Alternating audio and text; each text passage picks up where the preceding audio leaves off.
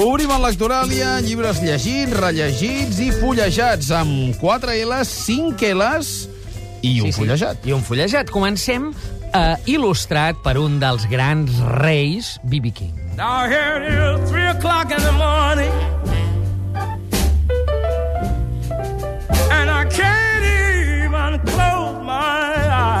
La guitarra d'en Bibi, ara, ara, aquí està. Sona 3 O'Clock Blues. Sí, senyor. Eh, val a dir que l'he triat per raons fonètiques, a banda que sóc un enamorat del B.B. King i que il·lustra molt bé aquest llibre. És un llibre de poemes que es diu cloc. Eh? Cloc com del verb cloure, però també la onomatopeia del cloc. L'autor és l'August Bové, amb dibuixos de Pere Capellà. Això ho ha editat amb eh, Arola, que és una editorial de Tarragona. A veure, aquest és un poemari que a mi em plau per raons eh, directes. D'una banda, perquè l'August Bové va ser professor meu a la universitat Ah. i va ser un dels pocs... eh, Era bo? Sí, sí, era bo. En Bové era bo. Eh, eh, ell parlava de la literatura medieval, de les classes que jo recordo, i em va fer descobrir molts autors que es fonamentaven en el joc verbal. Eh, bé, això és una coincidència, però resulta que me'l trobo tants anys després fent un poemari com aquest, en el qual justament tots són traves verbals. Aquí hi ha poemes, diguem, amb palíndroms, en capicues, amb una sola vocal... Eh, hi ha molts jocs verbals, però també va més enllà de la mera cabriola, diguem, eh? És un poemari amb anagrames, amb homofonies, és una festassa verbal i un veritable festival.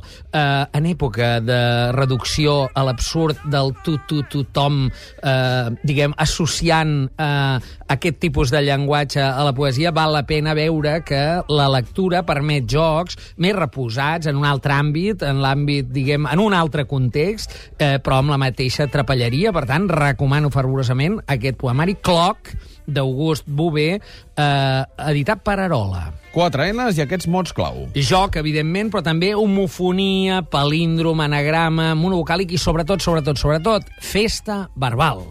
Wild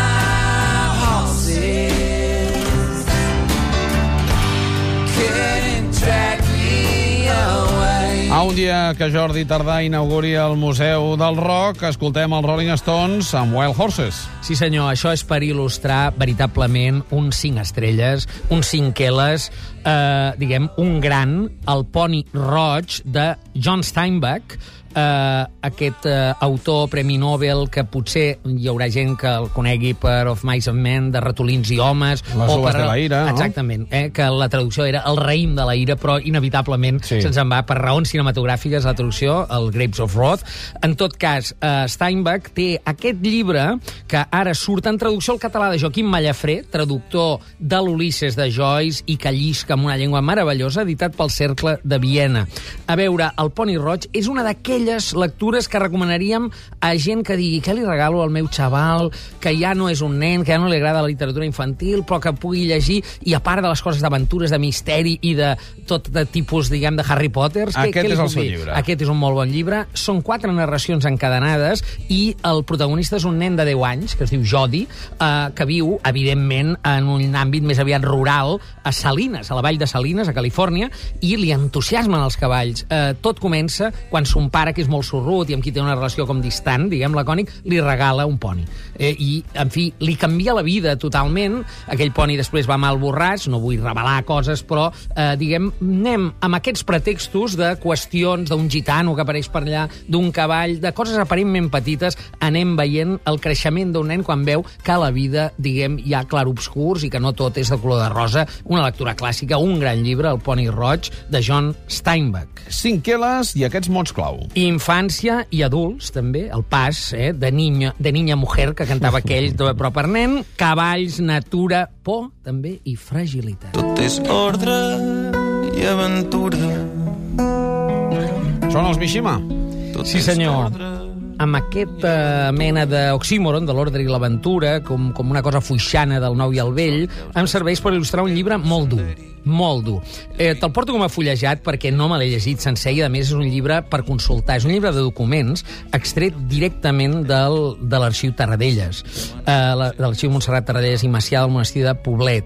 Són Ordre Públic i Violència a Catalunya, diu aquí, 1936-1937. Això està editat per editorial Dau, eh, del Ton Bernils, especialitzada tot sovint amb llibres sobre documentació de la Guerra Civil. Aquí són documents esfereïdors. Eh, vivim el pas de l'ordre revolucionari al republicà. Què vol dir això? Que hi ha documents sobre un possible intent de complot contra el president Companys, hi ha enfrontaments entre consellers de la Generalitat, però hi ha una part final dedicada a molts fets luctuosos d'àmbit local, Puigcerdà, Vallvé, Portbou, La Fatarella, Sallent, Ginestà, Centelles, Lleida, que eh, documenten amb la fredor de, eh, diguem, l'escriptura burocràtica tots les disbauxes i totes les salvatjades que es van cometre en aquest bàndol. Mm, diguem, eh, els nostres assassins, podríem dir-ho, no?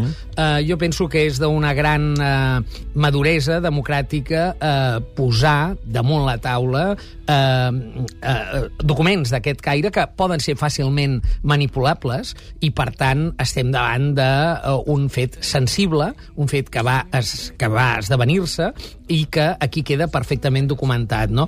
Hi ha documents del Comitè Central de Milícies Antifeixistes, de la Junta de Seguretat Interior, de la Conselleria de Seguretat de l'època, eh, i bé, mm, penso que la història justament està per il·luminar-la en tots els seus clarobscurs, i aquí n'hi ha uns quants de fets obscurs que ara queden clars gràcies a aquesta excel·lent feina d'edició d'Editorial Dau.